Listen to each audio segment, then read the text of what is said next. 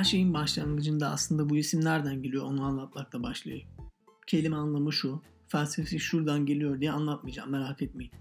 Ben hayatını olabildiğince sadeleştirmeye çalışan, olabildiğince sade biriyim. Sadece madden değil, ruhen de. Uzun zamandır hayatımda çıkarmaya çalışıyorum bunları.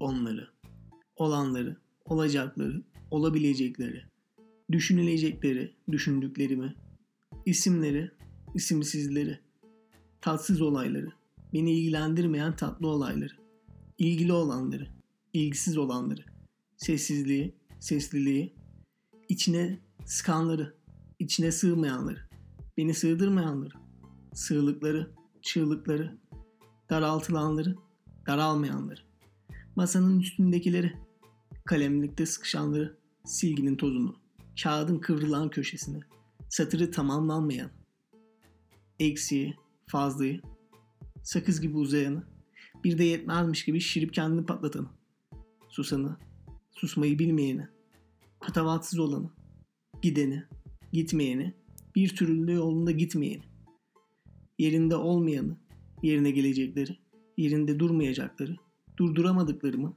durdurmak istemediklerimi, istediklerimi, sevdiklerimi, sevmediklerimi, sevsem de tutamadıklarımı, tuttuklarımı, içimde tuttuklarımı, içimde tutup da söyleyemediklerimi, söylediklerimi, söylediğimden pişman olduklarımı, pişman olmayanları, tutkularımı, tutkum olmaktan çıkanları, tahammül edemediklerimi, tahayyül dahi edemeyeceklerimi, ne dediğini, ne dediğimi, millet ne deri, o da böyle düşünür mü?